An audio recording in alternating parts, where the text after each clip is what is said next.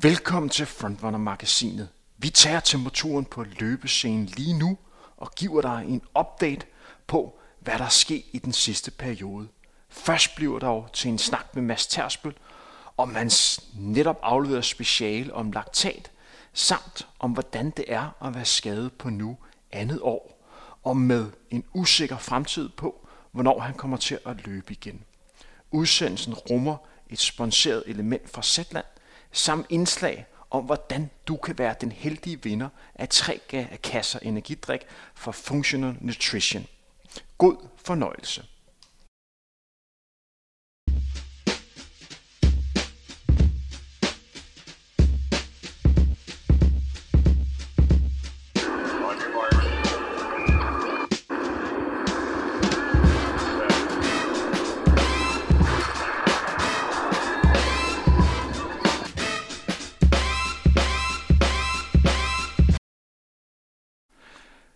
Goddag og velkommen her til endnu et afsnit af Frontrunner.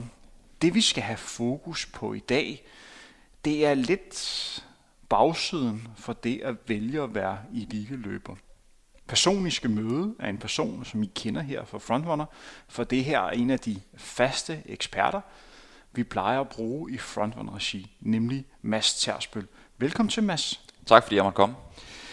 Det er jo sådan, at når man kigger på det at være øh, eliteløber, så får man typisk et billede af, at det er lige med hurtige tider, masse personrekorder, masse medaljer, masse opture.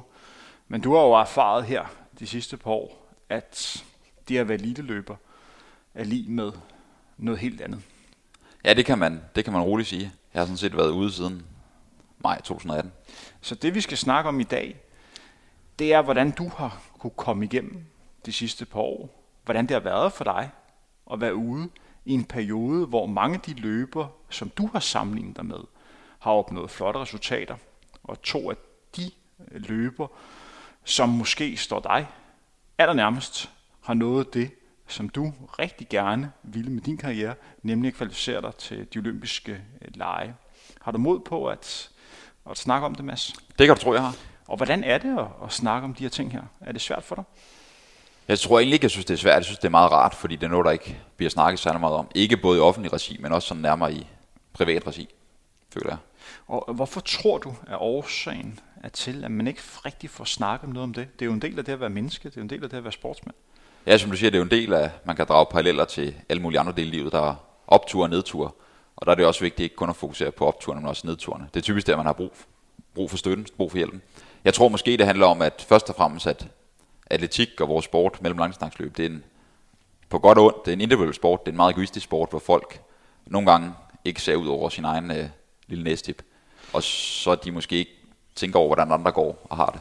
Og det, denne ideen til den her udsendelse kommer faktisk af, at vi i december 2019 lavede en snak, hvor vi så lidt tilbage på, hvordan vi havde oplevet det respektive øh, løbeår. Og i den forbindelse der kom du med nogle rigtig fine betragtninger i forhold til, det du har været igennem.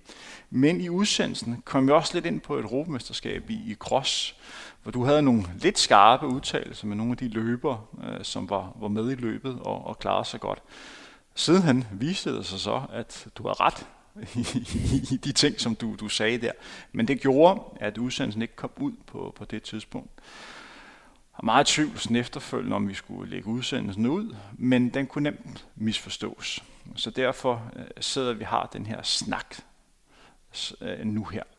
Mads, du er også lige blevet, øh, blevet færdig med dit, med dit studie. Du har lige afleveret dit øh, speciale. Kan du ganske kort gøre vores lytter klogere på, hvad du har brugt de sidste par måneder på? Først og fremmest at sidde stille foran en computerskærm, og det er en udfordring i sig selv.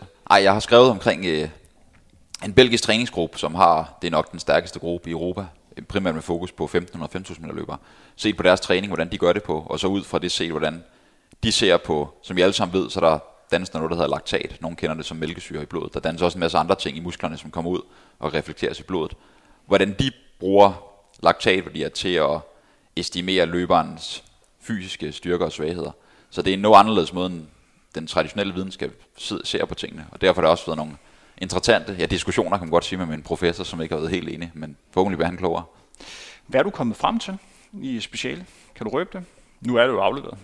Ja, der er jo sådan lidt to dele. For det første, så den belgiske gruppe, de har en meget mere individualiseret tilgang til træning. Øhm, hvis folk så, nu har jeg taget fat i fem løber nedfra, som er løbet helt ned til 13-13 på en femmer, løbet 3, 36 på 1500 meter. Altså det ligner, for at sige det godt, det ligner det ligner ikke eliteløbers træning, når du ser de tal, de laver. For det første så løber de ret lav mængde. De fleste løber lav mængde, de løber også meget intensitet. De løber heller ikke særlig meget intensitet. Øhm, så det er jo interessant i forhold til alle andre fund i litteraturen, og i praksis, hvor meget folk løber, så hvis vi ser på Ingebrigtsen-brødrene, eller vi ser andre på de lignende distancer. Derudover så, normalt når man ser på sådan en, I ved, hvis man løber en given hastighed, så tager en laktatmåling, så får man en eller anden værdi. Løber man lidt hurtigere, så typisk den værdi, den stiger. Og så får man sådan et billede, man får en kurve på en graf, hvor der er en sammenhæng mellem laktat og tid. De ser mere, de er ikke så interesserede i forholdet mellem laktat og tid eller hastighed. De er mere interesserede i at se kurvens placering i forhold til, hvor stærkt det aerob system og det anaerob system er. Øhm, det bliver nok lidt nørdet snak, men... Det er fint, men man kort, kan være nørdet. Men kort sagt, så kan man ud fra det estimere, hvor stærk løberens anaerob kapacitet er. Øhm, det er selvfølgelig estimater, men de arbejder meget sammen med en af verdens mest succesfulde igennem tiden øhm, konsulenter og trænere, der har været over svømning. En mand, der hedder Jan Olbrik.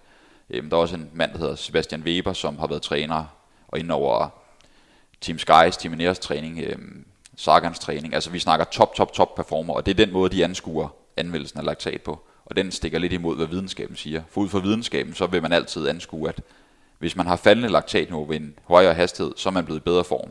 Det er man ikke nødvendigvis, for det kan også være, fordi hvis ens anaerobsystem er blevet dårligere, så vil kurven, den vil se anderledes ud. Forestil lidt, hvis man, hvis man står og trækker tår med nogen, så er det både den kraft, du påfører tåret, og den kraft, som modstander påfører tåret, som afgør, hvor, om man kommer mest til højre eller til venstre. Sådan skal man lidt anskue en laktatkurve, at både det aerob-system har en indflydelse, og det anaerob system. Og det synes jeg er super spændende. Er det noget i, i den her dur, du kunne tænke dig at arbejde endnu mere med? Ja, det er det uden tvivl. Jeg synes, det kunne være interessant. Øhm, specielt fordi der er meget, der tyder på, at det kan i højere grad præcisere træning for den enkelte, end alle de traditionelle tests, som hvis man skal ind i et laboratorium og lave VO2 max test osv. Og så også fordi det er lidt anvendeligt værktøj, hvis man kender lidt til laktatkinetik og også får et billede over tid. Synes du, man har for lidt viden på, hvordan du bruger laktattræning herhjemme?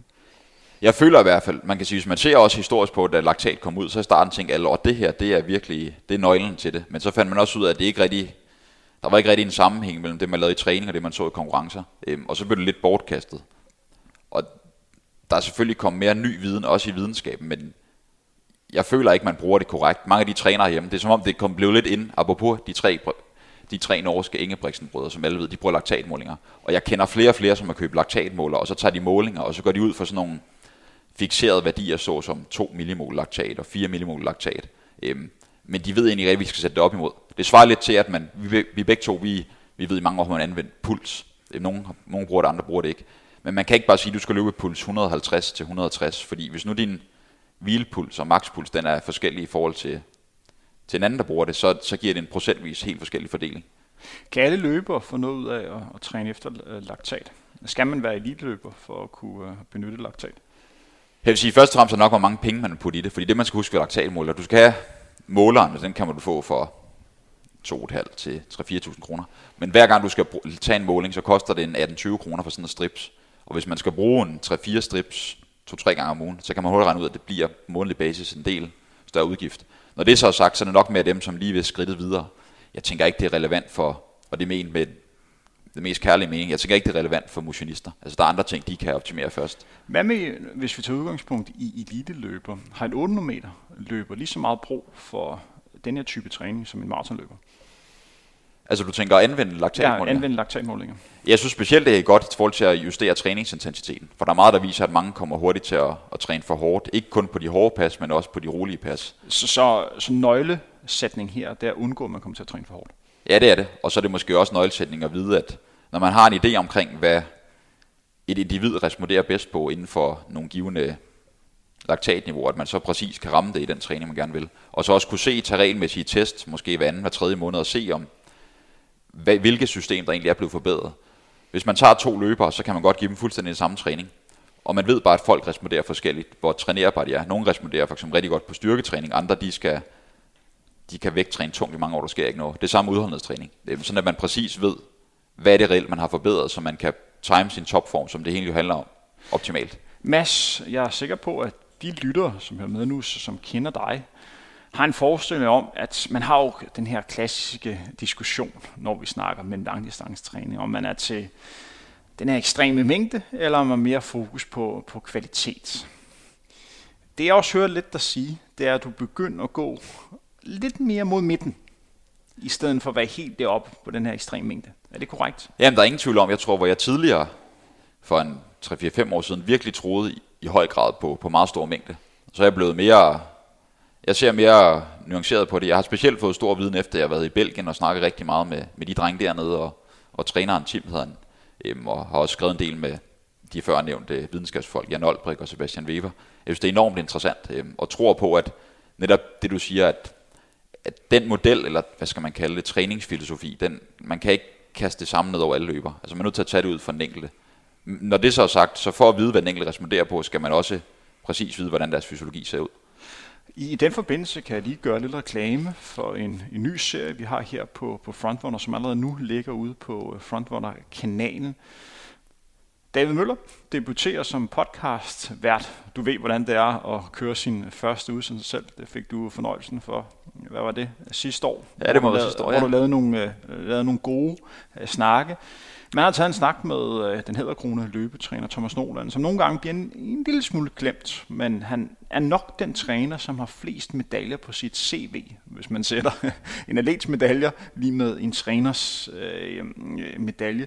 Men han kommer lidt ind på, at han har fundet inspiration for øh, Renato øh, Canova, som du også kender, den her hedderkrone italienske langdistancetræner, hvor de med studier med langdistanceløber kan se, at nogle gange har løber niveau, hvor det bedre kan svare sig lige at droppe 50-60 km af træningen, fordi du ikke rigtig får noget ud af de kilometer, og så hellere fokusere på at blive frisk til at kunne absorbere nøglepassene endnu mere. Så for at skære ud i pap, nogle af de bedste løbere i verden, som har trænet, der tidligere lå at træne 180, fandt ud af, at de rent faktisk kunne få højere niveau med kun at træne 120-130 fordi de simpelthen ikke fik nok ud af de sidste par kilometer. Fordi deres træningsniveau nu her var anderledes, end det var for et par år siden. Ja, det er jo super interessant, og viser også bare, at man, man ikke kan se, bare ved at se et par måneders træning af en løber, kan man ikke fortælle særlig meget. Man er nødt til at have hele billedet. Som du nævner Renato Canova, som nævnte nogle eksempler blandt andet med en af verdens bedste tidligere forhindringsløbere. Hvordan i den senere del af karrieren, som Thomas Nolan også kommer ind på, der, der fandt de ud af, at det, det var sådan set bedre at skære alle de kilometer fra, og for alle de ekstra kilometer, han løb de sidste 15 år, det var bare ekstra stress for kroppen. Det vil sige, der var ikke positiv stimulus til at forbedre sig. Så var det bedre at få lidt mere, mere fokus på kvaliteten og, og få mere tid døgnet til at restituere. En anden ting, som også er vigtig, når vi snakker træning, nu begynder det en lidt mere sådan træningssnak, men det håber jeg er ok for, for jeg lytter, for det er jo super relevant. Når du tænker træning, hvor vigtig er kontinuitet for dig? Det er ekstremt vigtigt, og jeg kan jo, i den, apropos den her snak, vi skal have, så kan jeg jo tage mig selv som eksempel. Jeg ved, at jeg har et kæmpe potentiale, fysisk og mentalt, men jeg har aldrig formået at have særlig god kontinuitet. Jeg har en gang i mit liv haft 12 måneders træning uden de store løbskader. Og ellers så har jeg faktisk, hvis man ser, jeg kom lidt ind i en atletikbillede i 2010.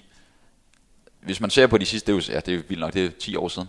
Altså jeg har haft mindre end 5 års samlet løbetræning. Det er nærmere 4 års træning, jeg har. Så hvis man ser på det ud fra mine resultater, så ved jeg, potentialet er der. Men har du ikke kontinuiteten for at komme tilbage til dit spørgsmål, så bliver du ikke god. Du kan have nok så meget talent, men hvis du ikke kan, kan holde til det. Der er et godt eksempel jo for eksempel. En super fin fyr, vi begge to kender, Andreas Bueno, som jo nok var, som Thomas også kom ind på, en af de største talenter nogensinde, danskfødte løbere. Men, men Tom, undskyld, Andreas kunne ikke holde til særlig meget træning, hvilket var super ærgerligt, for jeg tror, der kunne vi have haft en dansker, som kunne komme ned på 3, 2-33 stykker på en 1500 meter.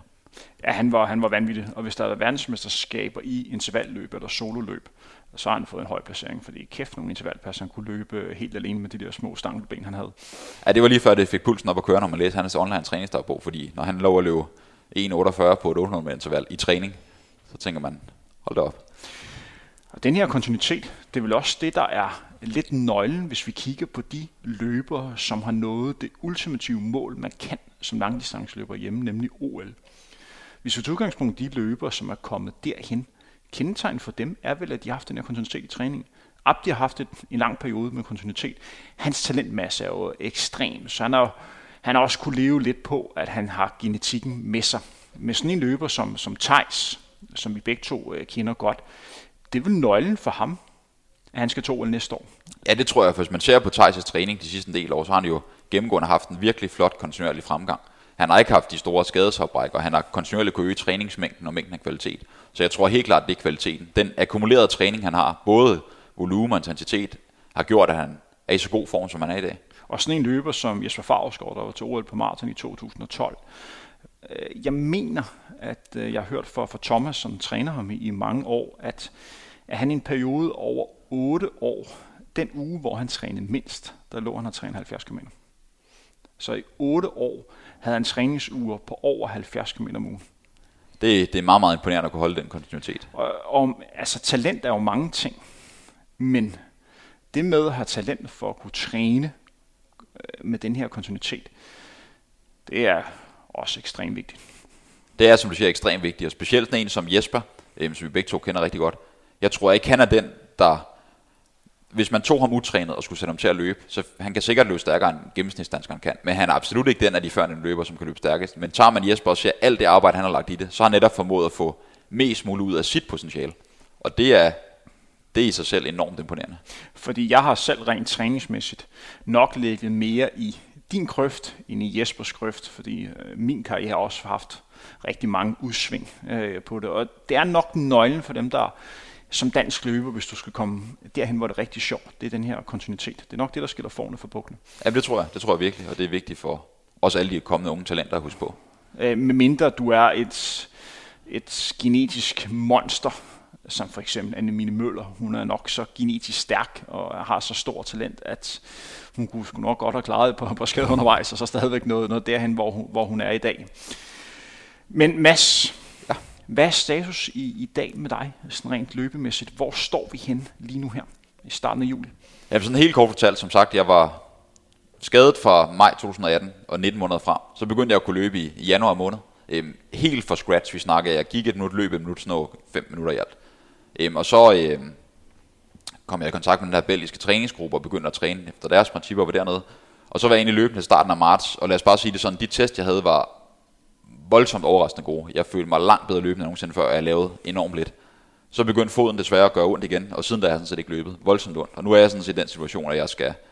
Altså alt andet konventionelt og alternativt at prøve. Jeg har kastet monstervis af penge i og tid i behandling og interventioner, men altså, jeg, jeg står og skal have en operation nu i foden. Simpelthen for at fortælle til lytterne derude, at jeg har en lidt forstørret hæleknogle, som sidder og hele tiden komprimere og irritere akillescenen. Så det vil sige, uanset hvor meget jeg gør for akillescenen, så vil årsagen konstant være der. Så den skal lige ind og file af.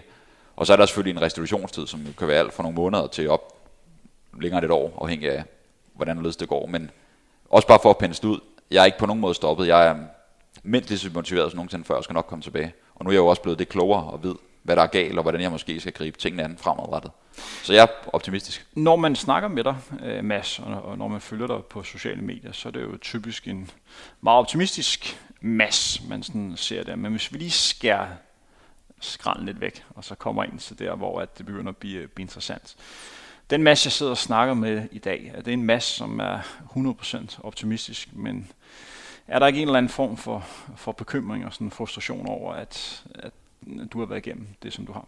Jo, der er ingen tvivl om, som du siger, at selvom jeg er natur er meget positiv og optimistisk, så er det for at sige det, jeg undskylder banner, så er det pisse hårdt, der har været virkelig drænende, emotionelt, mentalt, fysisk og været skadet så længe.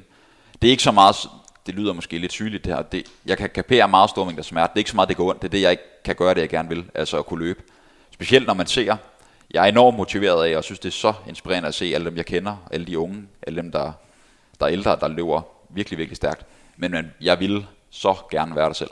Og det ved jeg også, når jeg skal komme til, så det er, det er en meget hård omgang. Jeg kan tydeligt mærke det på min sådan generelle øh, velvære, at jeg har bare ikke samme energi, når det er noget, der har taget så lang tid. Og man konstant får at vide, hvis vi gør sådan og sådan, så bliver det bedre, og man er optimistisk, og så bang hammer i hovedet.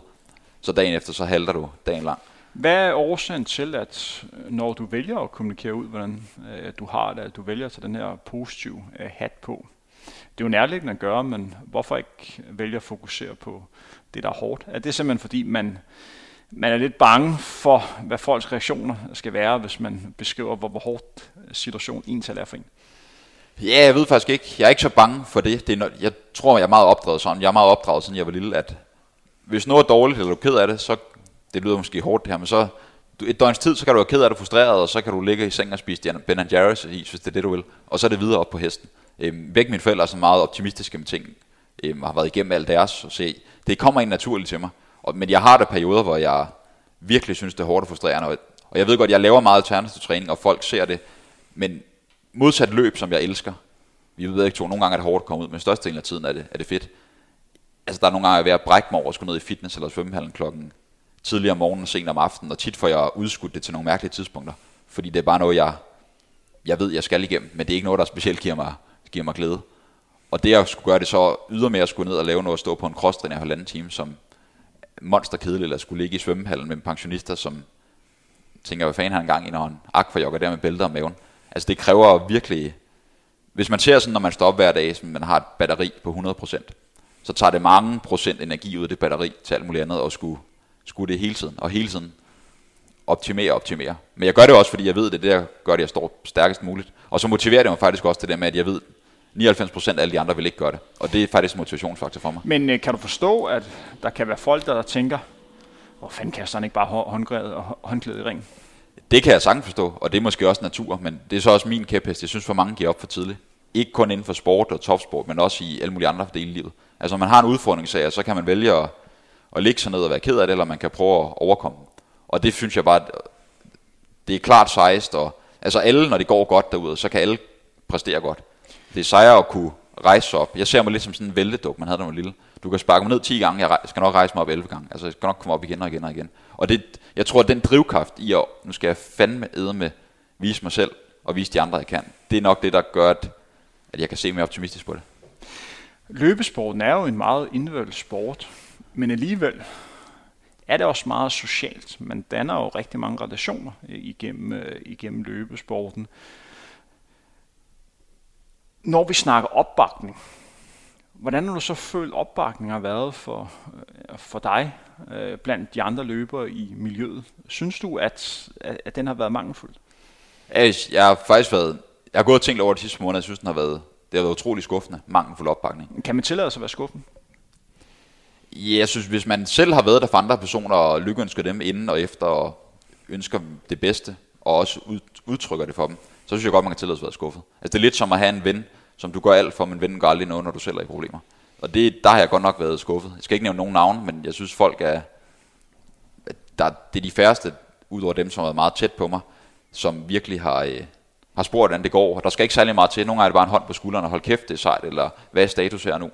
Og der er specielt sådan en, som er nødt til at nævne, øhm, Abdi vi nævnte før, som jeg også er rigtig gode venner med. Han har været meget lagt sit eget ego-projekt væk, hvis man kan sige det sådan. Og nogle gange bare, hvordan går det, hvordan har du det, uden han også skulle fortælle, at jeg skal også det og det om lidt, eller jeg ringer egentlig bare lige for at fortælle det, og så til sidst, om hvordan har du det egentlig? Og, men der er de færre, fleste andre har desværre været, synes jeg, at det har været skuffende opbakning. Tror du, der er en eller anden form for berøringsangst? Jamen, det kan godt være, at der er en eller anden berøringsangst. Måske specielt det, øh, drenge mænd nogle gange, det er måske sådan, når det er sådan nogle lidt blødere ting, kunne jeg forestille mig, at der er nogen, der måske har det svært med de der lidt mere følelsesmæssige ting.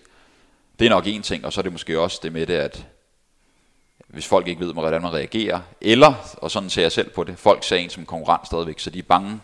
De har det egentlig, det lyder forkert det her, men de vil gerne en det bedste, men de har også en konkurrent nærmere at tage sig af. Har man som løber et ansvar på at hjælpe de andre løbere, som er, som er skadet? Som du siger, det er, det er jo en fælles sport, for vi, jeg ser mine konkurrenter sådan, at hvis jeg ikke havde mine konkurrenter, så vil jeg ikke være der, hvor jeg var i dag. Når man, når man for eksempel løber en rigtig god tid, eller får en god placering til et mesterskab, den ville stå alene, hvis ikke man havde andre til at presse en. Så jeg føler egentlig, at vi er jo alle sammen et fællesskab, så jeg føler lidt, at man, i hvert fald dem, man står tæt med, skal prøve at få hinanden op. Ligesom der er positivt stort fokus på denne her vægtproblematik derude. Folk, der har spiseforstyrrelser, som, som det forfærdeligt lyder til, at mange har gået rigtig meget alene med det, men at bare det, der begynder at komme mere snak om det her, hvad skal man sige, tabu eller elefanten i rummet, det tror jeg er med til at, at skabe det, der skal til for at gøre nogle konstruktive tiltag. Hvis man skal ændre den her kultur, fordi jeg kan også godt genkende til mange af de ting, som øh, du siger, hvad skal man så gøre? Ja, det er jo, det er igen et spørgsmål, om det er individet, eller det er ude i klubben, eller det er ens løbekammerater, eller forbund, eller hvad man skal gøre. Men først og fremmest tror jeg bare mennesker, men ligesom hvis man har kammerater eller familie, hvor man bare helt bare oprigtigt spørge nogle gange, hvordan har du det egentlig, eller hvad kan jeg gøre for dig? Og nogle gange skal man huske på, at der skal ikke særlig meget til. Man skal ikke skrive en lang roman af beskeder til folk, eller snakke med min timegang. Nogle gange er det bare fem minutter, der lige skal opmuntre en ord til, eller man bare spørger, hvad status er med, med det, du går rundt og har gang i. Altså nogle gange er det så lidt, man kan leve så langt på. Og det kender vi jo selv. Hvis man er ude på gaden, hvis man er lidt irriteret eller noget, eller, og en, der kommer forbi, smiler til en, man ikke kender, så smiler man igen, så bliver man glad. Altså det der med den der positive effekt, der får julen til at rulle. Så jeg tror egentlig, man kan starte på eget med at sige, hvad kan jeg gøre for, for andre i dag, der gør dem mere glade. Men det du typisk tager udgangspunkt i her, det er den manglende kommunikation for andre løber. Hvad med ens klub? Hvad med ens træner? Hvad med ens forbund? Burde de også vise interesse? Jeg ved godt for klubber og trænere og i hvert fald klubber og forbund, der er der interesse i, at atleten, uanset hvad, så er ligesom et firma, der skal producere resultater og effektivitet, man skal præstere godt. Men de skal også bare huske på, at man, det skal ikke kun handle om, at man skal levere topresultater. Man er der også, fordi man føler, man hører til der. Og der viser det mere for mig, hvis folk de, de kommer, når man, når man er nede, end når man er oppe at køre. Og der kan man tydeligt mærke rundt omkring, at der er en mindre interesse, jo længere tid der går. Og så har jeg det bedre, end folk siger til mig, prøv at høre Mads, jeg tror ikke på dig, i stedet for det sådan noget, jeg tror på dig, men de tør ikke sige meningen. Inden for, inden for løbesporten er det desværre sådan, at hvis du ikke lige performer inden for, lad os sige en måned eller to, så lige før man er glemt. Og så lige før man ikke øh, eksisterer mere. Øh, jeg kan nævne, at jeg havde en, en snak med nogle løber for, for et par uger siden, hvor vi sad for sjov lidt og snakkede, hvem var de, de bedste løber herhjemme lige i øjeblikket. Jeg har stor fidus til, til Abdulat. Hans top nu er, er godt nok højt, det ved jeg, du også har. Men fordi han ikke rigtig lige havde, havde løbet noget for sidste par måneder, der er sikkert en rigtig god forklaring på det, så var det ikke en løber, som de, de lige nævnte. Han var sådan nærmest skubbet lidt øh, til hjørne. Og vi snakker altså om en løber, som har løbet lige over 2.11 på maraton, i et løb, hvor tingene ikke helt spillede 100%. Han er blevet nummer 5 til Europamesterskabet på, på halvmaraton, godt nok et par år tilbage.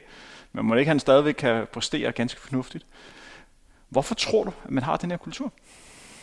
Jeg har også gået og tænkt lidt på det, for jeg synes, det er sjovt, for man kan sige, at vi er ikke et land som Kenya, Etiopien eller USA, hvor der er tusind topløbere, som konstant gør det godt. Altså i Danmark, det er begrænset, hvor mange virkelig, virkelig dygtige løbere vi har. Øhm, hvis man har klaret et krav, så er der jo ikke engang kamp om at komme med til et mesterskab, for typisk er der ikke mere end tre, der har klaret kravet. Og jeg synes, det er lidt sjovt. jeg har ikke et svar på kultur, det der med, at vi så hurtigt glemmer folk. Måske det er den der hive, ivrige hiven efter hele tiden, og, eller ivrige søgen efter hele tiden, og nyt, nyt, nyt. Og så glemmer man lidt det, der er sket. Men jeg kan ikke give et præcist svar på det. For jeg har også meget tænkt på sådan en som Abdi, og der er også andre, som hvis de ikke... Hvis de er ude meget mere end to-tre måneder, man ikke kan se noget, så den almene løber, også mange topløber, det er næsten glemt dem. I hvert fald sådan, hvad de udtrykker. En anden konkret eksempel, det er jo, at lige i øjeblikket på, på Frontrunner har vi en konkurrence, hvor vi skal, skal finde den mest betydningsfulde danske mandlige løber de sidste 50 år, vores GOAT-konkurrence for distancer fra 800 meter op til maraton. Vi er jo kommet til, til semifinalerne, og en af de kriterier for, at man skal med i den konkurrence, det er, at ens karriere skal være stoppet. Vi havde en enkelt løber, Jesper Favresgaard, som var med mere på grund af, at der var ingen af os, der sad, og der sad med til besluttet, som troede, at Jesper nogensinde ville stoppe sin, sin karriere. Så det var der, hvor han var blandt de, de 16 løber. Men vi fik faktisk en del spørgsmål om, hvorfor vi ikke havde Andreas Bubbe med. Fordi der var faktisk en del, som gik ind med den opfattelse, at Andreas har stoppet sin øh, karriere. Jeg tror, Andreas ligger og træner mod OL næste år. Jeg er faktisk rimelig sikker på, at han ligger og træner mod OL næste år. Men fordi Andreas måske ikke er den, eller det er han ikke, den mest aktive løber på de sociale medier, og fordi der ikke har været så mange løb i år på grund af corona, så er der en del, der grund og tror, at han er stoppet. Er det ikke, er det ikke rimelig skidt at en af de største stjerner inden for atletikken, at der er folk, der grund og tror, at han har stoppet sin karriere? Og det er, det er ret kedeligt at høre, at øh, det er sådan en som Bubbe, som har taget medaljer til EM både indendørs og udendørs, og så gjort det så godt, at folk tror, at han er, han er stoppet. Men hvor meget her er Andreas' ansvar? Fordi Andreas er jo også sin egen virksomhed. Han burde jo også have interesse i at lige at kommunikere ud, at han rent faktisk er her. Jamen, der er ingen tvivl om også, så kan man sige, at som verden er i dag, hvis man er atlet, og man også skal have sponsorater og tjene penge, og nu taler jeg bare sådan generelt, så er det også ens eget ansvar, at man måske kommunikere ting ud, hvad, eller kommunikere ting ud, hvad der sker, hvad, hvad målene er, hvad jeg gør her nu, netop for at gøre sig attraktiv. Det samme, hvis du har to store firmaer, men det ene det er totalt øh, nærmest gået under jorden på papiret, så tror du heller ikke, det findes, selvom de kan levere den samme vare. Og det, så derfor er det vigtigt. En ting, jeg også bliver nødt til at spørge dig ind til. To løber, som du ser lidt som dine konkurrenter. Thijs Abdi. Det er vel en færre betragtning, er det ikke? Jo, absolut. De har jo begge to kvalificeret sig til, til OL næste år i Tokyo. Hvordan er det for dig at se to løber, som du begge to godt kan lide? I har ikke, du har et godt forhold til dem. I er nogenlunde samme årgang. I har ligget og dystet. Nu står de og skal til OL, mens du lige nu ikke står i en situation og skal til OL. Det må være svært for dig, ikke? Jo, det er en romantisk fortælling, vil være at sige, at det er kun fantastisk og sådan noget, og jeg er også dybt imponeret, og dybt inspirerende, men man vil fandme gerne være der selv. De vil heller ikke give pladsen til en anden, kan man sige, så de vil også være der selv, og det er, det, man, det er jo det, der gør, vi hele tiden higer efter bedre præstationer, og det er, som sagt, det er inspirerende at se, men det, det er også hårdt, når man, eller når jeg ved, ikke nødvendigvis på maraton, men på en anden distance, selv kunne være der, også jeg kunne have kontinuiteten, der skulle til. Så det må jeg bare vise, jeg kan. Vi er meget glade for det samarbejde, vi har med nyhedsmediet Zetland. Det er et nyhedsmedie, som tager deres indhold seriøst og giver sig tid til fordybelse. Husk, at du som lytter på Frontrunner kan få to måneders abonnement på Zetland for kun 50 kroner. Det er under en tredjedel af prisen. Og samtidig støtter du Frontrunner økonomisk med hele 200 kroner. Det kan du gøre på linket www.zetland.dk slash frontrunner. Vær opmærksom på, at der ikke er nogen binding. Jeg har selv nyt godt af Zetlands nyhedsdækning de sidste par måneder. I en travl hverdag kan det være svært at nå det hele, og her nyder jeg godt af, at alle deres nyheder også findes som podcast, da jeg bedre kan finde tid til at høre en udsendelse, når jeg er på farten. Har savnet følelsen af at være up to date. Det er sådan en, det er sådan en spøjs følelse, og det er sådan en følelse, man egentlig ikke burde have, men hold kæft, hvor ville man gerne være der selv. Og, altså, ja, jeg kan ikke rigtig beskrive det mor, men det er... Jeg tror, alle løber har, har været der. Ja. Altså, jeg tror, nøglået her er jo en form for sult, der bare viser, at du, du stadig er sulten. Og på en eller anden måde, så står man lidt, lidt skørt dilemma, fordi det her handler jo ikke om, at du ikke ønsker Thijs og Abdi det bedste. Nej, det er vigtigt at punktere. Ja, det at, at du rigtig gerne selv vil opnå de samme resultater og de samme muligheder. Og nu er det tilfældigvis to løber, som du sammenligner dig selv med. Ja, du har ret. Det, det er der, den ligger. Men når det er så sagt, så er det også fedt at se, at barrieren er blevet flyttet det, fordi det gør så også igen, at jeg, når jeg ikke overgår at gå ned i svømmehallen klokken tidligere om morgenen eller i fitness om aftenen, så gør jeg det alligevel, fordi jeg ved, at hvis jeg skal derop, så er jeg også nødt til det. Hvis nu vi siger, at de, de kun løb, og nu siger jeg kun, hvis de kun lå løb lige under 30 minutter på en 10, altså så var der ikke, så var der ikke så langt derned. Men nu ligger de altså og løber tæt på 28-30 på en 10. Hvordan er det for dig, Mads? Fordi i den periode, hvor du har været ude, der er der rent faktisk sket rimelig meget ja. i forhold til øh, løbesko. Lige nu her, hvis du går ind og kigger på, hvad der bliver løbet, så bliver der altså løbet markant stærkere end tidligere. En ting er selvfølgelig, at folk er kommet i bedre form og træner øh, mere, men de her carbon-sko, som er kommet på markedet, er helt sikkert med til, at der bliver løbet stærkere. Et godt bud er lige nu på, på en 5 km øh, på landevej er måske 20-25 sekunder, man henter ved en carbon-sko. Det vil sige, at de år, du har været væk, så de tider, der normalt hed lige omkring 14, 13.50, har ikke den helt samme gennemslagskraft, fordi der er bare flere, der ligger løberne, fordi hele tidselementet er bare rykket lidt. Hvordan er det for dig at opleve det?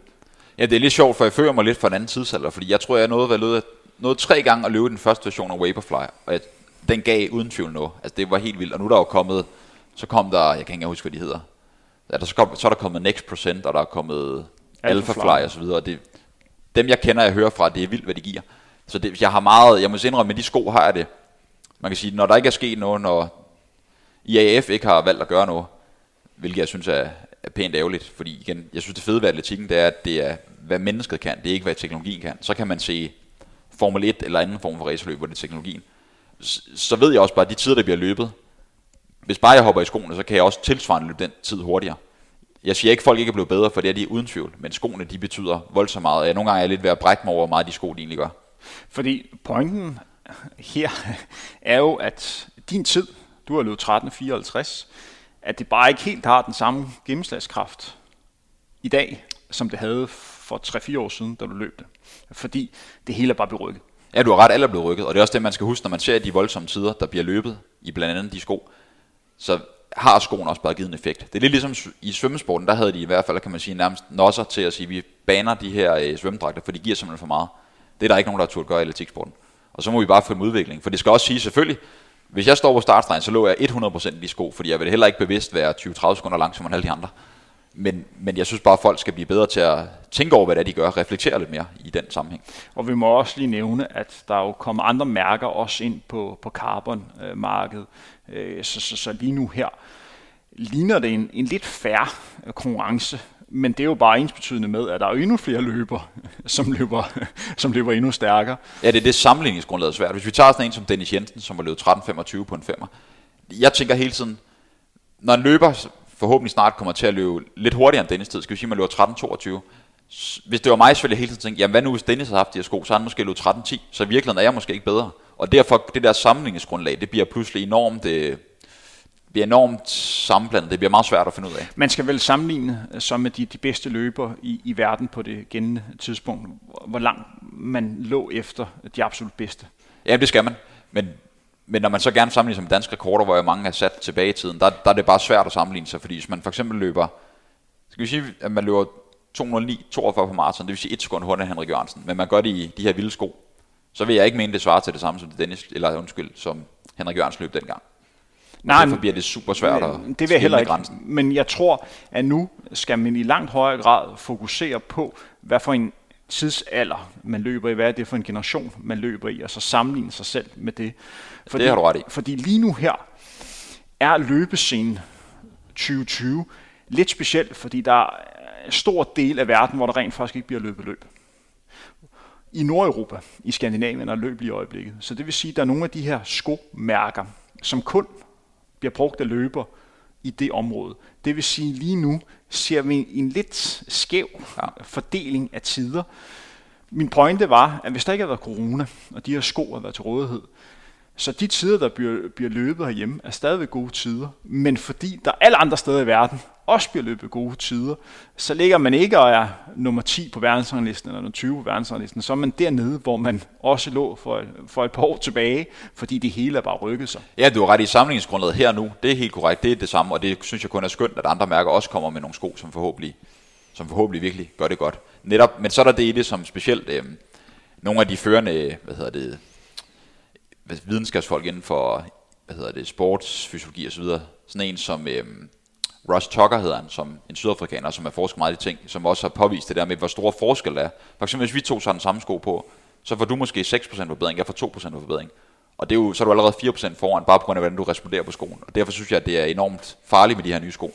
Hvor tilbage i tiden, der handlede det bare om, kan jeg huske dengang, man løb i, skulle have en race sko, så var det, hvad er lettest? Jeg løber den letteste. Var den 104 gram i stedet for 120 gram, så løber jeg den på 104 gram. Og nu er der mange andre faktorer, der har indflydelse. I forhold til baneløb lige i øjeblikket. Tidligere har der jo altid været sådan, at hvis man skulle løbe stærkt på banen, på atletikbanen, så skulle man piksko på. Fordi det var helt klart der, hvor man fik mest støtte. Man kom lidt mere op på forfoden, og dermed kunne få endnu mere power, når man landede ned. Man kunne få produceret endnu mere watt. Og især var der også en fordel, hvis banen var en lille smule våd og i svingen kunne det også give øh, lidt ekstra. Lige nu ser man en tendens til, at flere og flere også vælger at løbe i carbonsko på banen. Mads, hvad tror du, der er bedst at løbe med på banen lige nu her? Er det carbonsko, eller er det piksko? Det skal lige siges, at der er faktisk et mærke, som er begyndt at lave piksko lige nu med carbonplader i. Men det er ikke særlig mange løber, som har de sko tilgængelige. Ingebrigtsen løber i den. Men ellers er der ikke nogen danske løber, som har de sko. Nej, jeg tror, som sagt, jeg har ikke prøvet det selv, så derfor kan jeg ikke give et, øh, et reelt bud på det. Jeg, vi er enige om, at det er vigtigt, hvilken distance man løber. Jeg vil i hvert fald sige det sådan, alt under 5.000 meter, der løber du 100% i piksko. Så tror jeg også, det handler om hastigheden, man løber. Hvis man løber 5.000 meter og begynder at komme ned på begynder at komme ned på 14 laver derunder, så tror jeg, at piksko er hurtigere, simpelthen på grund af måden, de reagerer på i svingene, i forhold til at have sådan en høj klump under sig. Hvis man ligger og løber langsomt, og dermed ikke bevæger sig lige så hurtigt, så kan det godt være, at der er noget om snakken. Men igen, da jeg ikke selv har prøvet det, så har jeg virkelig svært ved at give et svar på det. Så jeg glæder mig til at se, hvad... Men vi kan jo se, at der er flere og flere løber, også på en 5 og sågar på, på en 3'er, hvis vi kigger på, på de løb, som vi rent faktisk kunne se, der løber i, øh, i Vaporfly. Ja, interessant var det jo netop. Eller andre carbonsko. Ja, præcis, og det var super interessant, at svenske Andreas Almgren, tidligere supertalent, der heldigvis er kommet igen, han løb faktisk svensk indendørsrekord på 3000 meter i Vaporfly på en 200 meter bane med hævet sving, hvor han løb 7.48, stort set solo, da han løb for Kalle Bavlund. Så der er ingen tvivl om, at øh, de sko, de, de, de gør noget helt vildt. Øhm. Men på en 10.000 meter, der vil jeg vel forvente, at de fleste så vil begynde at løbe i carbonsko. Ja, det tror jeg. Jeg tror også, at det er det, jeg kan huske. Inden carbonskoen ligesom havde sit indtog, der var der også nogle løbere, som valgte at løbe i, i konkurrencesko i stedet for piksko, simpelthen fordi de følte, det var mere bekvemt for fødderne, fordi de simpelthen muskulært blev for trætte i fødderne undervejs. Og der er vel også det, at det er de færreste, der er i stand til at kunne have den her oprejste løbestil på, på en 10 km øh, på banen, fordi hvis man var træt af tendens til at falde en lille smule ned i løbestil, og så får du ikke særlig meget effekt af piksko, så er det nærmest bare en gene, at man har pik under sig. Ja, lige præcis. Og så, men så er der så noget helt andet i det. Det betyder selvfølgelig ikke noget. Men ligesom inden for cykling snakker man om, ting ser lians ud. Det ser sgu bare mere lians, mere fedt ud at løbe piksko, det gør løbe sådan en stor øh, gummiklods der på banen. Det må jeg indrømme. Men tror du ikke, det er en del af øh, løbeverden 2020, at vi skal vende os til, at øh, løbeskoene bare lidt ser lidt anderledes ud? Jo, det tror jeg. Der må man selvfølgelig følge med udviklingen, og det vil vi jo også begge to selv gøre, hvis vi skulle stille op. Og vi, hvis, vi, hvis vi har en sko, man løber to sekunder hurtigere, så løber vi selvfølgelig den sko. Det er der men, ingen tvivl om. Men øh, det er jo vanvittigt, fordi i forhold til, at jeg selv var aktiv, hvis vi kigger på de sko, som jeg lå og løb maraton i, i 2013, 2014, 2015, det var på det tidspunkt handlede om at have så lette sko som overhovedet muligt. Altså jeg har jo løbet maraton i sko, som vejede 170 gram. Altså, der, hvor der ingen støtte var overhovedet. Altså, mine fødder brændte. Altså, da jeg løb maraton ved EM i Zürich i 2014, der løb jeg i, øh, hvad det, i, hvad, i den tyndeste Nike-model øh, ved den lejlighed, der var. Jeg, øh, jeg tror, det er Streak. Øh, ja, det kan godt passe, ja. Modellen. Og efter 30 km, fordi det var så varmt, så min fod begyndte at brænde, så ned under, øh, ned under min fod, der begyndte huden at, sådan at brænde af. Så øh, altså de sidste par kilometer, jeg havde simpelthen så ondt i foden, fordi der var kommet så meget varme på underladen, der sådan gik op i skoen, så min hud var bare gradvist ved at, ved at brænde af. Altså, øh, og det var simpelthen på grund af, at der ikke var noget støtte overhovedet, og bare alle de der varme bare, bare kom op. Men i dag, altså der er det jo fuldstændig utænkeligt, at folk vil løbe maraton i sådan en sko. Ja, du har ret. Det er virkelig vildt, og det må være interessant på godt og skidt for dig at se. Altså også at have tanken om, tænker jeg, hvad kunne du have løbet, hvis du havde haft de sko? Det er ingen, jeg ved, tanken har drevet sig, det vil det gøre ved os alle sammen. Nå, det må være interessant at... Altså, øh, jeg kan jo bare sige, at øh, nu her har jeg jo øh, testet for eksempel Sauconis øh, carbon-sko, deres øh, Endorphin Pro, og det kan jeg mærke, at det er tydeligt, hvor meget den ændrer min øh, løbestil. Det, som jeg tydeligt kan mærke, det er, at jeg løber langt mere oprejst, end jeg sådan tidligere har, gjort. Jeg kommer simpelthen højere op med knæene øh, ved det, og det gør bare, at jeg får, får langt mere øh, power ned. Hvis jeg løber langsomt i de sko, så føles det fuldstændig akavet. Men især på, på banen og på strækningen, hvor det går lige ud, altså, der får jeg bare ekstremt meget fart på. Så det er jo altså, det er en racer-sko, men jeg kan også tydeligt mærke, at det kræver tilvænding at løbe i, i de modeller, fordi min løbestil er anderledes. Og en af mine udfordringer ved den sko også, at jeg er opereret i, i hoften, øh, så på den måde får jeg endnu mere tryk omkring min hoftebøjer, hvor jeg var udsat øh, for en operation. Øh, for, så, så, så, så den element skal jeg lige have med. Men der er ingen tvivl om, at det her det er en, en ganske glimrende sko. Ligesom andre modeller også er, men det kræver tilvænding at vende sig til det. Fordi hvis du ikke, hvis du ikke vender dig til det, så vil du blive skadet. Altså, jeg kan huske, du skrev for nylig til mig, det kan jeg jo godt sige, der er ikke hemmelig, men du skrev, at Mads, jeg, jeg synes sgu egentlig ikke, at jeg er særlig god form, men uden de store problemer kan en nye Saucony-sko leve tæt på 15 på en femmer. Og der tænker jeg bare, wow, det viser bare noget om, hvad de sko kan gøre, fordi jeg har aldrig før tidligere hørt dig den her situation, efter dit karrierestop, at du kunne løbe så hurtigt med den træning, du nogle gange gør. Nej, nej, men altså, det, var, det var tydeligt, at øh, da jeg lå i og, og løb i den sko, at altså, jeg kom bare op øh, uden de store problemer, løb omkring 3.0. Øh, og, og selvom at, øh, hvad kan man sige, jeg løber i en gang imellem, så er det meget, meget sjældent, jeg oppe i den hastighed, så det burde ikke kunne lade sig gøre, at jeg kunne, kunne ligge og løbe de, de tider, så jeg tror meget af det, øh, det skyldes, at jeg får, får hjælp af skoen. Ja. Hvis vi går ind og kigger lidt mere på den løbescene, som vi ser 2020, vi begynder gradvis at køre fra, hvad kan man sige, din situation til lidt mere, hvordan vi ser løbeverden her øh, 2020. Det er jo en løbeverden, der var meget præget af, corona, og det hele er lidt mere usikkert. Men der har trods alt været nogle løb, primært i, i Skandinavien, og de løber, som har haft stor succes indtil videre, det er jo især de tre Ingebrigtsen-brødre. De er jo virkelig startet 2020 øh, flot. Specielt Jakob ser altså virkelig skarp ud. Han starter året med at sætte norsk rekord, 5 km øh, landevej, 13.27, efter et rigtig flot progressiv øh, løb. Han ligger altså og løber de sidste 2,5 km i tempo, der svarede til sub 13. Og så løber han ved det her lidt alternativ, Bisle Games, løber han 54 øh, på, på 2000 meter og sætter europæisk rekord. 54 på 2000 meter. Det er, som du siger, det er voldsomt hurtigt. Jeg kan huske, Jakob han havde øh, omkring mejlen, mener han havde 3,55. Det vil sige, han lukkede af i sådan noget 54-54 høj på de sidste 400 meter. Og der lå han altså, der har han jo sat Henrik. Det er voldsomt imponerende i det specielt det her lidt specielle setup. Øhm, Jakob er, har klasse uden lige. Du nævnte selv det gadeløb, vi startede ud med, et sådan et lidt spøjst industrikvarter i Norge, hvor han ligger og løber sub 13 tempo på de sidste 2,5 km, og det så lejende lidt ud.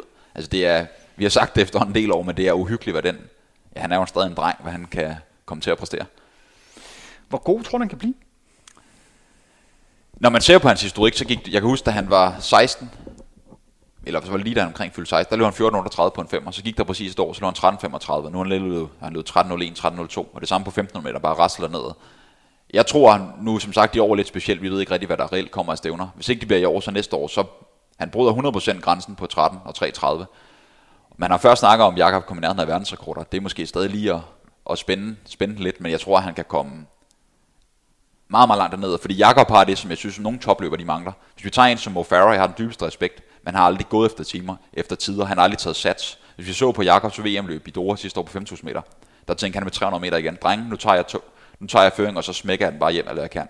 Han gik kold, men det der, hvis du ikke satser, så vinder du heller ikke. Så Jakob har, han har balls til ligesom at, at løbe efter tid og også at løbe stærkt. Det man også kan se øh, nu her, det er, at mange af de løber, som har, har valgt at stille op i konkurrence, eller nærmere haft mulighed for at stille konkurrence, de har stillet op på lidt alternativ øh, distance. Det er jo ikke normalt at løbe en, en 2000 meter. Øh, det er ikke en distance, man, man løber særligt tit. Hans bror Philip valgte også at løbe 1000 meter. Den bliver så løbet lidt mere 5 km landevej, også en forholdsvis, eller det er jo ikke en ny distance, men fordi man har ændret relevantet for det, så alt hvad der er løbet tidligere er tider på 5 km landevej, det bliver slettet øh, i, hvad det, i 2000 år. 2018. Øh, så det er kun tider fra 2018 og frem, som, som gælder. Og det er blandt andet også derfor, at Thijs skulle sætte øh, dansk rekord. Sondre Mogen har ligget og løbet 25.000 meter på, på banen. Det er altså voldsomt at løbe så mange omgange på, på en bane. Men det har gjort, at de her løbere kunne få en masse rekorder. Hvorfor tror du, man har så meget fokus på at få rekorder? Det er jo noget nyt, man begynder at se, at man gerne vil have et lidt større aftryk på historien. Det kan også være måske, tænker jeg, for at udbrede løbsporten i lidt højere grad for alle andre, altså alle ikke-løberne i samfundet, fordi det klinger bare mere at sige, at øh, det Sondra har sat rekord, eller Abdi har sat rekord, Thijs har sat rekord, end det gør, at X-løber har vundet X-løb. Altså det er, nok, det er måske mere den der udbredelse til løbet, og så specielt de her tider har vi haft behov for de der headlines der, at hallo, vi kan altså godt løbe stærkt, og vi er i gang. Men det dufter lidt af en, en marketingsmand har været ind over. Der er ingen tvivl om, som du siger, at der er noget marketing bag det, når man har løbet de lidt skæve distancer. Fordi der er der også mere respekt for at sætte en verdensrekord på en, hvis man skulle det på en 3000 meter, som for øvrigt er helt jerndød, end det er at sætte en verdensrekord på en 2000 meter. Fordi som sagt, vi har bare løbet mindre, så der er større chance for at løbe stærkt. Men det ændrer jo ikke på det faktum, at Jakob Ingebrigtsen 2000 meter rekord en af de bedre tider, han har, han har løbet. Hvad svarer øh, sådan 54 til på en 2000 meter?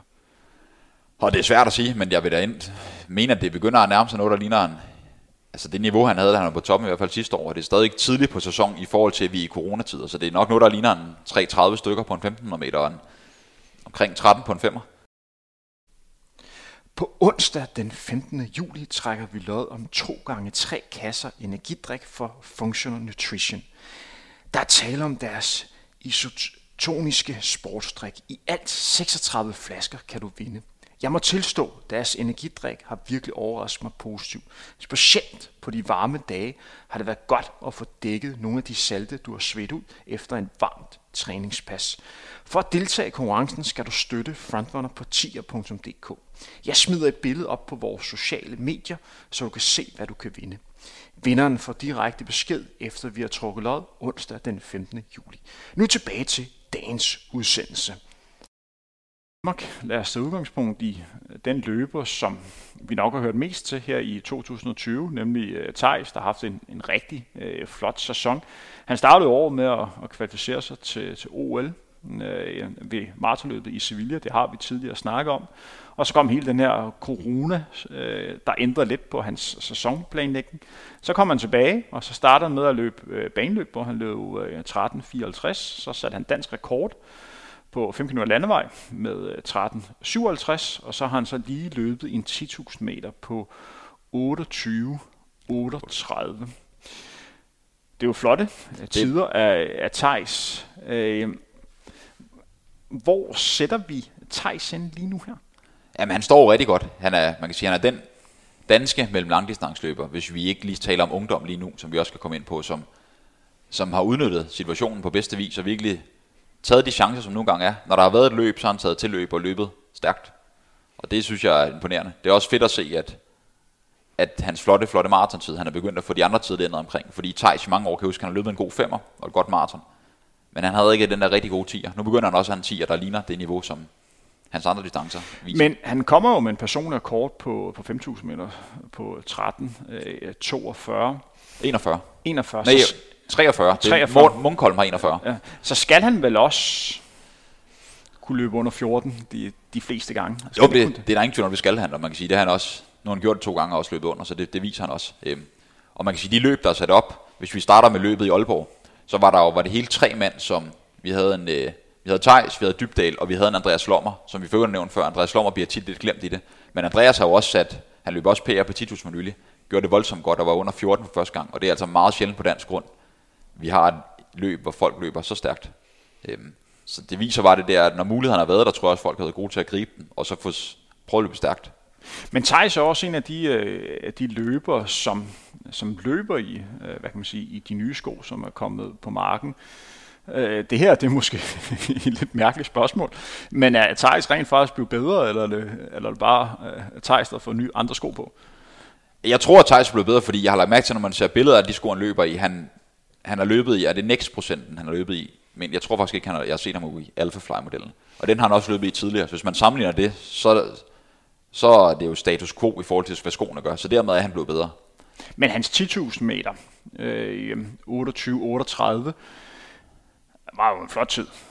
Det var et flot, også hvis man ser løbet specielt. Efter de der 6-7 km, der lå han sammen med Christian Blumenfeldt og Gustav Eden, to af verdens bedste atleter. Og der begyndte at være sådan lidt uro. Sondre var løbet afsted, og ham, jeg kan ikke huske, hvad han hedder, afrikaneren løbet afsted. Og derefter så kommer Thijs sådan set på alenehånd, det sidste omkring 3 km. Og det er der, hvor den bider af pommeren til sådan en tiger. Så jeg synes, han løb et rigtig flot løb. Det er der ingen tvivl om. En anden ting, som jeg også lige skal vende i, i forhold til Thijs, han slår mig lidt som en løber, som lige nu løber med en taktisk snille. Øh, jeg har set alle de tre løb, øh, som han har løbet, og han ligger godt i feltet. Han laver, han laver en enkelt lille fejl på den her 10.000 øh, meter, hvor han bliver lidt fanget bag en løber, som, som går kold, og så ligger han lidt på, på mellemhold, og prøver at komme op til de to førende løber, men ikke helt for, for lukket hullet, og så kommer han til at ligge og arbejde selv. Men ellers er han en løber, som meget sjældent er fremme og trække, men ligger i læ, og så komme op, når løbet skal afgøres. Jamen, der er ingen tvivl om, jeg synes også, når man ser, hvis vi kender Thijs' tidligere stil, og dem, der kender til Thijs, gør det også, men nye løbere gør det måske ikke. Men tidligere, der Thijs, han, han var meget angrebslysten i starten. Altså, jeg kan stadig huske, som også nævnt før, til VM i København 2014. Der lå han ført.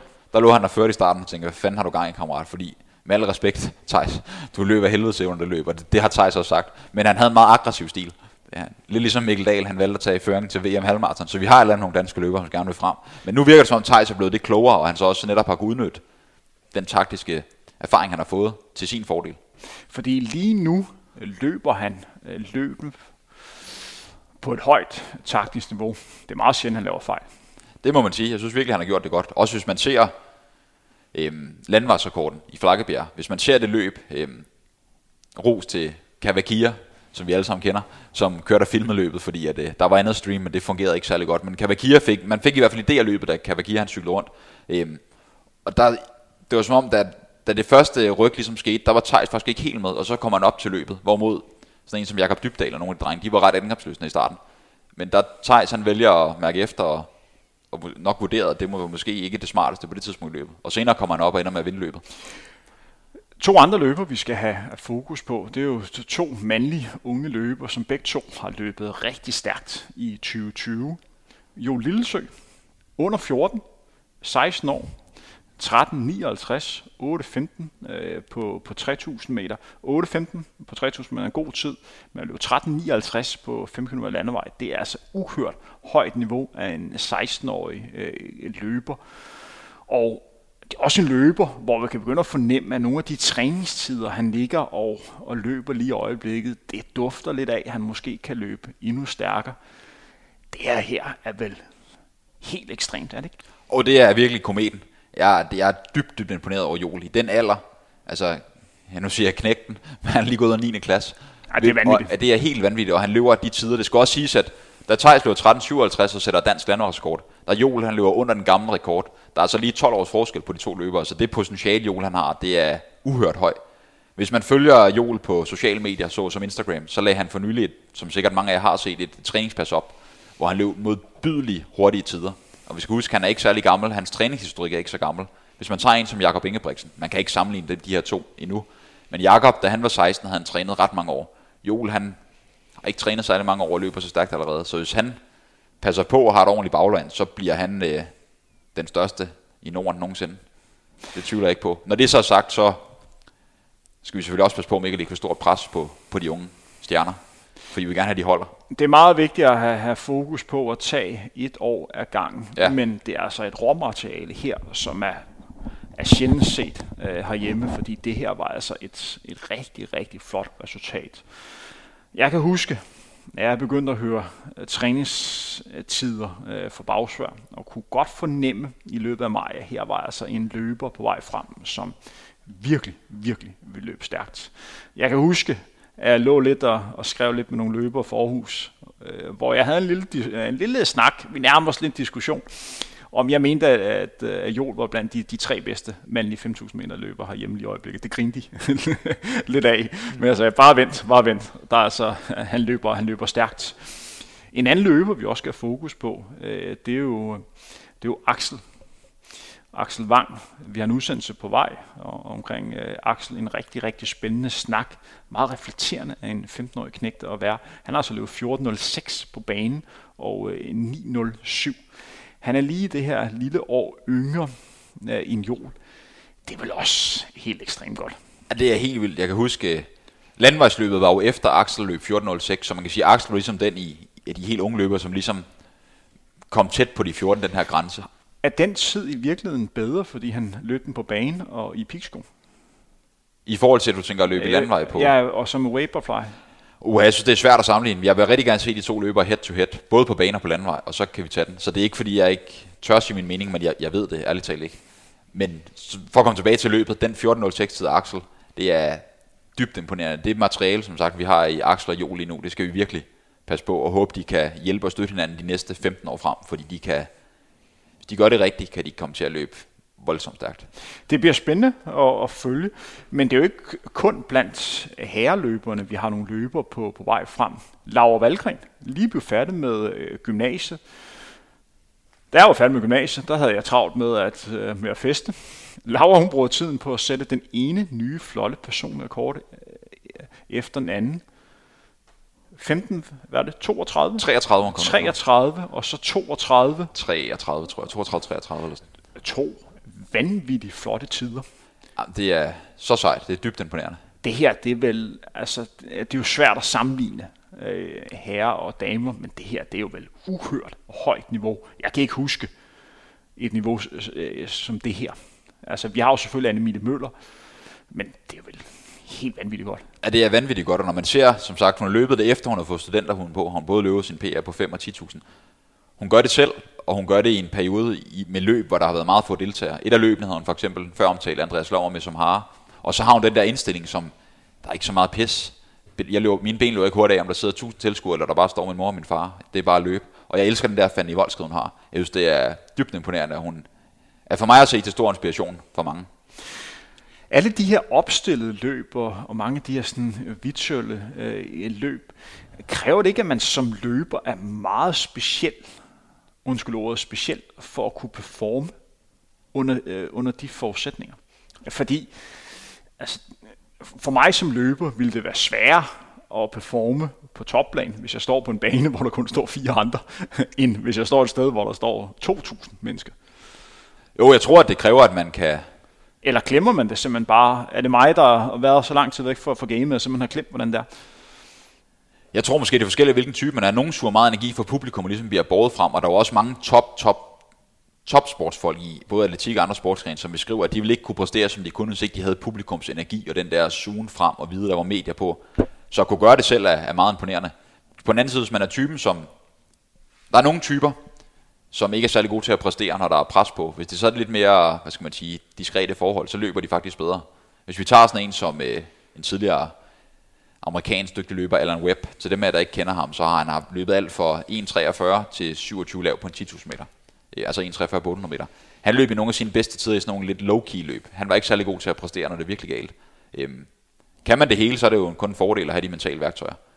Vi kigger jo også ind i en sæson 2020, hvor det stadigvæk er meget usikkert, hvad vi kommer til at se af, af stævner. Vi har jo set enkelte stævner, øh, med primært med, med løbere, som boede i lande, der lå meget tæt op ad hinanden, og, og, og lande, som var, var godt kørende, eller bedre kørende rent øh, kronemæssigt. Men de her de her klassiske løbestævner, hvor folk kommer ind fra for, fra hele verden, dem har vi ikke set endnu, og spørgsmålet er, hvornår vi kommer øh, til at se det. Så har vi også set øh, løb, for eksempel Bislet, øh, hvor du laver sådan et virtuelt løb, hvor at Ingebrigtsen-brødrene løber mod nogle øh, kenianske brødre, de her Chariot-brødre. Hvad synes du om de tiltag? Er det noget som tv-fan, som du synes, der, der er fedt? Kan du gøre, øh, synes du, det var sjovt at se øh, Ingebrigtsen-brødrene løbe mod kenianerne, der så løb ned i Eton? Altså jeg er simpelthen nødt til at sige, at jeg synes, det var super ærgerligt, at der ikke var samme forhold, fordi vi havde de norske løbere, som løb under tempererede forhold, med, der var meget bedre setup, og så havde vi kenianerne, som løb i højden på et mega vådt stadion med vandpytter, og der var vindblæser, der var absolut ingen mennesker på stadion, så det var, man kunne ikke sammenligne de to løb. For jeg er ikke tvivl ikke et sekund på, hvis Chariot-drengene og Manangøj og så videre, de var havde mulighed for at løbe under samme forhold, så de også løbet langt bedre, end de gjorde, fordi det var jo det var i hvert fald ikke et udtryk for deres kapacitet. Øhm, jeg synes, det er godt, at man til dit spørgsmål, at man har udnyttet den her coronatid til at få nogle løb op, men jeg synes, det er slet ikke det samme, nej.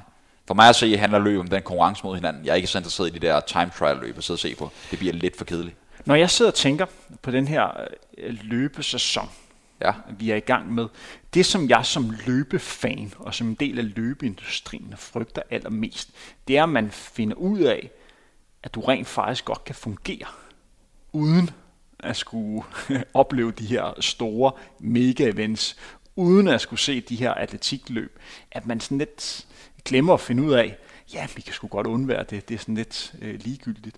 Forstår du min bekymring? Jeg kan godt forstå din bekymring, ja, fordi vi har nok tidligere været, eller vi har jo altid været vant til historisk, at der konstant har været, specielt i sommerhalvåret, så har der været det ene Diamond League-stævne og det andet. Der har været diverse store topstævner. Og nu er det måske bekymrende, hvis folk vender sig til, at de egentlig ikke behøver lige så mange stævner. Specielt for sponsoropbakning og publikumsopbakning til sporten? Fordi lige nu her, altså øh, vi sidder og snakker rigtig meget om de danske løber og Ingebrigtsen brødrene, deres resultater. Hvis atletiksæsonen har været, som, som det plejer at være, så har der jo været tonsvis af andre gode resultater, så min point er lidt, at så vi måske ikke haft så, så meget fokus på, på de andre resultater der. Ja, det, det har du helt ret i, og det, det er selvfølgelig lidt bekymrende. Øh, men hvad, hvad tror du, der kommer til at, at foregå i, i 2020? Altså jeg tror, som det er nu, det begynder at åbne mere og mere op. Også bare det, der er kommet, ikke kun i Danmark, men andre lande, det, mere retningslinjer for, at man må have flere folk samlet. Så jeg tror absolut, at der nok skal blive en, en lidt komprimeret anderledes sæson, måske i september, oktober, så sæsonen bare bliver skudt. Der kom, be, be, ja, bliver skudt. Øhm, det bliver nok ikke det samme, som vi vant til, men jeg tror, at der nok skal komme nogle, nogle okay stævner op at stå. Specielt for toppen af poppen. Altså creme eller creme skal nok få lov at løbe stærkt. Det er nok mere alle andre under det niveau, som måske har, ikke har de samme muligheder. Ja, jeg er også jeg er mere bekymret for, hvad kan man sige, de store events, hvor ja. der er, er mange øh, deltagere. Især de events, hvor der er mange løbere, der kommer ind for, øh, for udlandet. fordi så er der mange regler, øh, der er i spil, hvor jeg tror, at der er større chance for, at vi for eksempel kan se et, et atletikstævne i Monaco øh, afviklet, hvor, hvor, øh, hvor folk kommer ind, og det er en meget lille kreds af løber, som rent faktisk er til, er til stede. Hvor jeg er mere bekymret for, jeg ved ikke om London Marathon er blevet aflyst endnu, men det er jeg sgu mere, lidt mere bekymret for, øh, må jeg tilstå. Jamen, jeg, jeg er helt enig, og som vi også ser, så Hamburg Marathon nævnte for nylig, at de, de fortsætter, og de holder et løb, og det er jo nok også et løb, som for det første, hvis ikke man er inde, så er det enormt svært at komme ind i. Og så er der helt sikkert også nogle andre restriktioner, end vi havde vant til tidligere. Så vidt jeg kunne forstå på Hamburg Marathon, så er der noget med maske. Jeg er lidt usikker på, om man skal løbe med maske, men du skal i hvert fald stå altså på startstregen med, med maske på. Altså, så der er, der er specielle forhold, men hatten af for, at der bliver, bliver afviklet nogle, øh, nogle løb, og, og lad os også håbe, at der kommer løb hjemme til, til Superliten og til, øh, hvad kan man sige, til bredden og til, til motionisterne, så de også har mulighed for at kunne komme ud og, og få løbet lidt. Jeg ved, der er rigtig mange sultne øh, løber derude. Og det er måske den, hvad kan man sige, den største sådan, utilfredshed, jeg har med den her. Øh, der er mange ting at være utilfreds over, men jeg synes, det er bekymrende, at nogle af de løb, som er lige i øjeblikket, kun er for en meget, meget lille inderkreds, og du skal kende dem, der lige arrangerer det for at komme med. Øh, jeg savner lidt, at det sådan bliver offentligt meldt ud, at nu er der det løb her, så folk kan, kan byde ind. Så hvis du ikke rigtig er inde for det game, så er du bare chanceløs. Jeg er helt enig, og løbssporten er jo også borget netop alle, uanset niveau. Altså 99,9 procent af vores sport, det er jo folk, der er glade for at løbe, uanset deres niveau. Så er det egentlig uanfægtet, om de løber 13 på en 5, eller de løber 25 minutter på en 5. Og den glæde, den håber jeg, at folk kan fortsat holde fast i, selvom der ikke er de løb, fordi de har lige så meget fortjent at få lov at komme ud og få et startnummer på maven, under de forhold, der nogle gange er. Mads, inden vi, øh, inden vi lukker ned, øh, så vil jeg gerne give dig muligheden for at kunne lidt at lave øh, ugens indspark. Har du noget, som du gerne lige vil kommentere på? Er der sket noget i løbesporten den sidste, ting, øh, eller den sidste tid, som du lige vil knytte en kommentar til? Sådan i, i dansk regi? Eller, eller generelt, generelt eller set? Generelt set. Øhm, apropos noget at snakke handler om i dag, så synes jeg, det, det er positivt at begynde at komme mere fokus på det, den der, hvad kan man sige, elefanten i rummet. Der har været meget op i dansk atletik, kan jeg godt tillade mig at sige, den, deres manglende politik og retningslinjer i forhold til, hvad gør man med, med folk, der har spiseforstyrrelser, eller har tendens til spiseforstyrrelser. Så det der med at få de, det her lidt, hvad skal man kalde det, tabuemner op, fordi uden jeg skal kommentere på nogen nogen som helst måde ind på, på lige den her problematik, så har det bare indvirkning på den ene eller den anden måde. Det har indvirkning fysisk, mentalt, emotionelt. Øhm, og derfor så er man nødt til at kunne, jo bedre man får de her lidt forbudte emner op, jo større chance tror jeg også, derfor vi kan gøre noget konkret ved det, og folk får en forståelse for, at der er problemer, og det gælder absolut ikke kun spiseforstyrrelser, der er også mange andre forhold. Så det er måske mest inden for den sidste uges tid at få mere det op, at det er i orden at, at snakke om og gøre noget ved. Mads, Tak fordi du har lyst til at gøre lytterne kloge på først på din egen situation, dit speciale, som du har afviklet, og så en generel snak om øh, løbeverden anno 2020. En tak til jer, som har øh, lyttet med. Et stort tak skal også lyde til dem, som der støtter øh, Frontrunner på, øh, på partier.dk. Det er jer, der er blandet med til, at vi kan sidde og lave denne udsendelse. Det er vi utrolig øh, taknemmelige for. Vi høres ved igen inden længe.